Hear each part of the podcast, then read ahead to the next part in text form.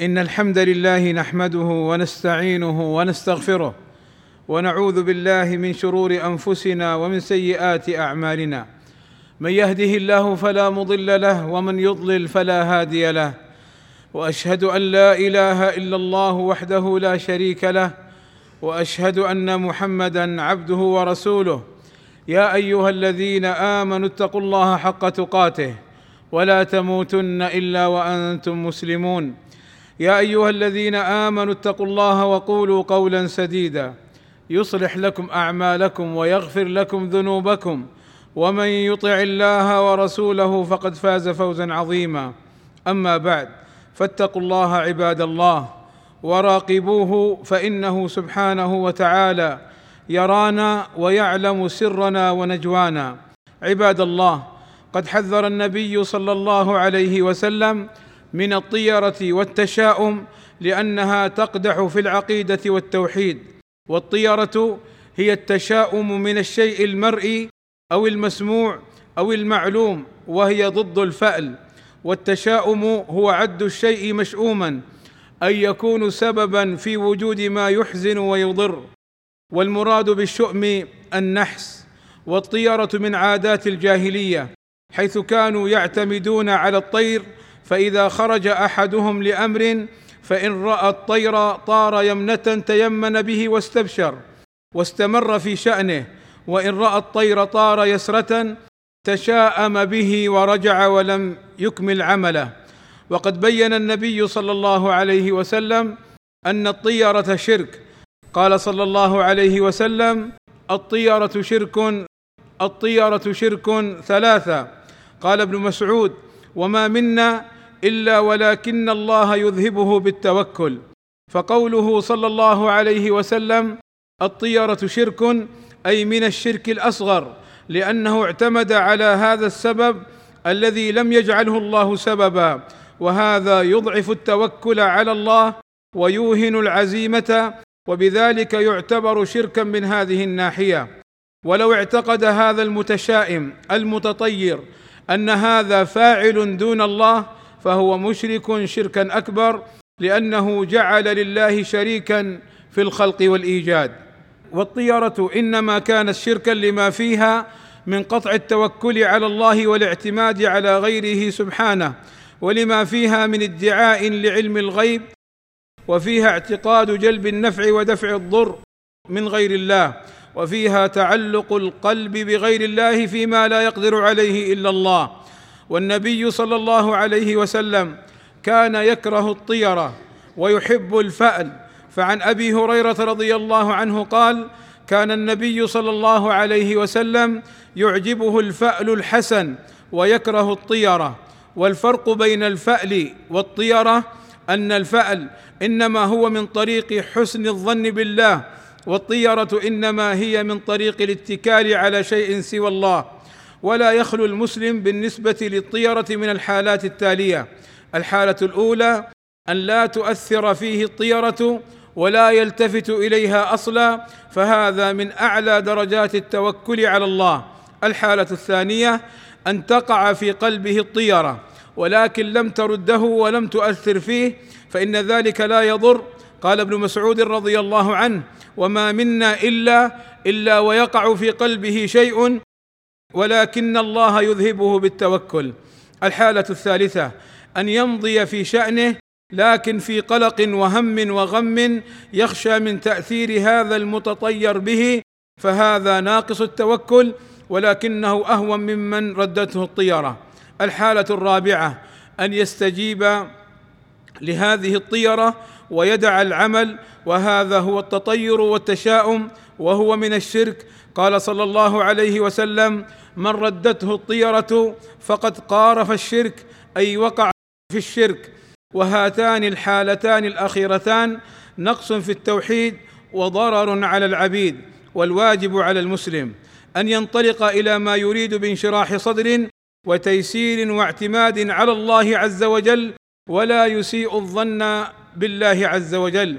وكفارة الطيرة أن يقول كما قال رسول الله صلى الله عليه وسلم من ردته الطيرة من حاجة فقد أشرك. قالوا يا رسول الله ما كفارة ذلك؟ فقال صلى الله عليه وسلم أن يقول أحدهم اللهم لا خير إلا خيرك ولا طير إلا طيرك ولا إله غيرك. وعليه أن يمضي في حاجته ويتوكل على الله ولا يبالي بما رأى أو سمع أو حدث له عند مباشرته للفعل أول مرة. فإن بعض الناس إذا حصل له ما يكره في أول مباشرته الفعل تشاءم وهذا خطأ لأنه ما دامت هناك مصلحة دنيوية أو دينية فلا تهتم بما حدث. وقد نفى النبي صلى الله عليه وسلم الطيرة مطلقا لأنها من تلاعب الشيطان بالإنسان. وهي تخيلات وتلبيسات ووساوس لا حقيقة لها. قال النبي صلى الله عليه وسلم لا طيره وخيرها الفأل. قالوا وما الفأل؟ قال صلى الله عليه وسلم الكلمة الصالحة يسمعها أحدكم أي ويستبشر بها. وقال صلى الله عليه وسلم لا عدوى ولا طيره ولا هامة ولا صفر. والمراد إبطال ونفي هذه الأمور التي كانت الجاهلية تعانيها. فأخبر صلى الله عليه وسلم أن تأذيه وتشاؤمه بالتطير إنما هو في نفسه وعقيدته لا في المتطير به فوهمه وخوفه وإشراكه هو الذي يطيره ويصده لا ما رآه وسمعه. والله أسأل لي ولكم التوفيق والسداد وحسن القول والعمل والرشاد وأن يهدينا إلى الصراط المستقيم. الحمد لله رب العالمين والصلاة والسلام على المبعوث رحمة للعالمين وعلى آله وصحبه أجمعين. عباد الله إن التطير والتشاؤم من عادات وأعمال الجاهلية. قال معاوية بن الحكم رضي الله عنه قلت يا رسول الله أمورا كنا نصنعها في الجاهلية كنا نتطير.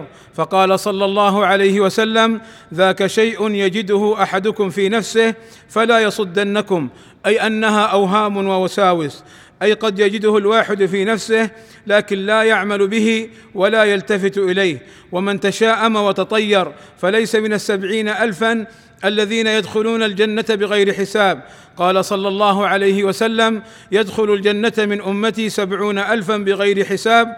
هم الذين لا يسترقون ولا يتطيرون وعلى ربهم يتوكلون. ففي هذا الحديث وصف خاص للسبعين ألفا الذين يدخلون الجنة بغير حساب ولا عذاب بتمام التوكل على الله بأنهم لا يسألون غيرهم تلذذا بالبلاء ولا يتطيرون أي ولا يتشاءمون كالجاهليين وكثير من أتباعهم اليوم فمن فعل ذلك أي تطير وتشاءم فقد ناقض التوكل على الله عز وجل ولن يدخل الدرجات العليا من الجنة من وقع في الطيرة. قال صلى الله عليه وسلم لن يلج لن يدخل لن يلج الدرجات العلى من تكهن أو استقسم أو رجع من سفر تطيرا. وليس من المسلمين من تطير أو تطير له. قال صلى الله عليه وسلم ليس منا من تطير ولا من تطير له. وقوله صلى الله عليه وسلم ليس منا من تطير أي فعل الطيرة. وقوله صلى الله عليه وسلم أو تطير له أي أمر أن يتطير له.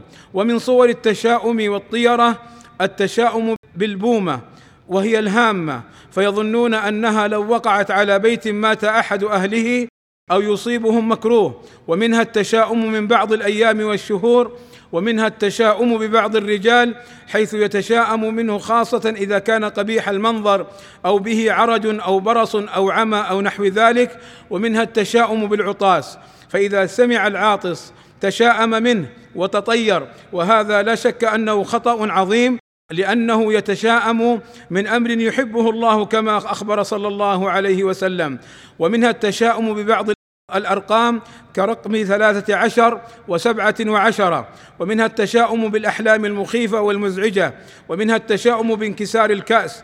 ومنها التشاؤم بالمقص إذا كان مفتوحا. ومنها التشاؤم بالرفة والرعشة التي تحصل في العين أو في الجفون أو في اليد. ومنها التشاؤم بالحكة في اليد أو الرجل. ومنها قولهم فلان كبسة أو فلان فقر ومنها قولهم فلان منحوس أو نحس أو سيارة منحوسة ونحو ذلك ومنها قولهم خير يا طير فهذه كلها من التطير والتشاؤم المحرم الممنوع فعلى المسلم أن يجتنبه. عباد الله إن الله وملائكته يصلون على النبي يا أيها الذين آمنوا صلوا عليه وسلموا تسليما. فاللهم صل على محمد وأزواجه وذريته كما صليت على آل إبراهيم وبارك على محمد وأزواجه وذريته كما باركت على آل إبراهيم إنك حميد مجيد. وارض اللهم عن الخلفاء الراشدين.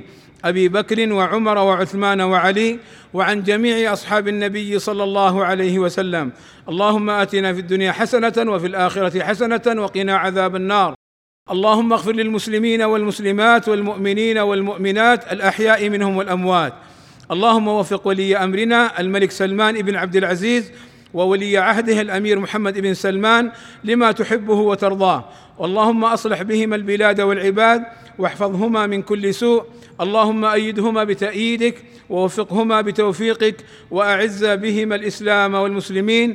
وصلى الله وسلم على نبينا محمد وعلى آله وصحبه أجمعين. والحمد لله رب العالمين.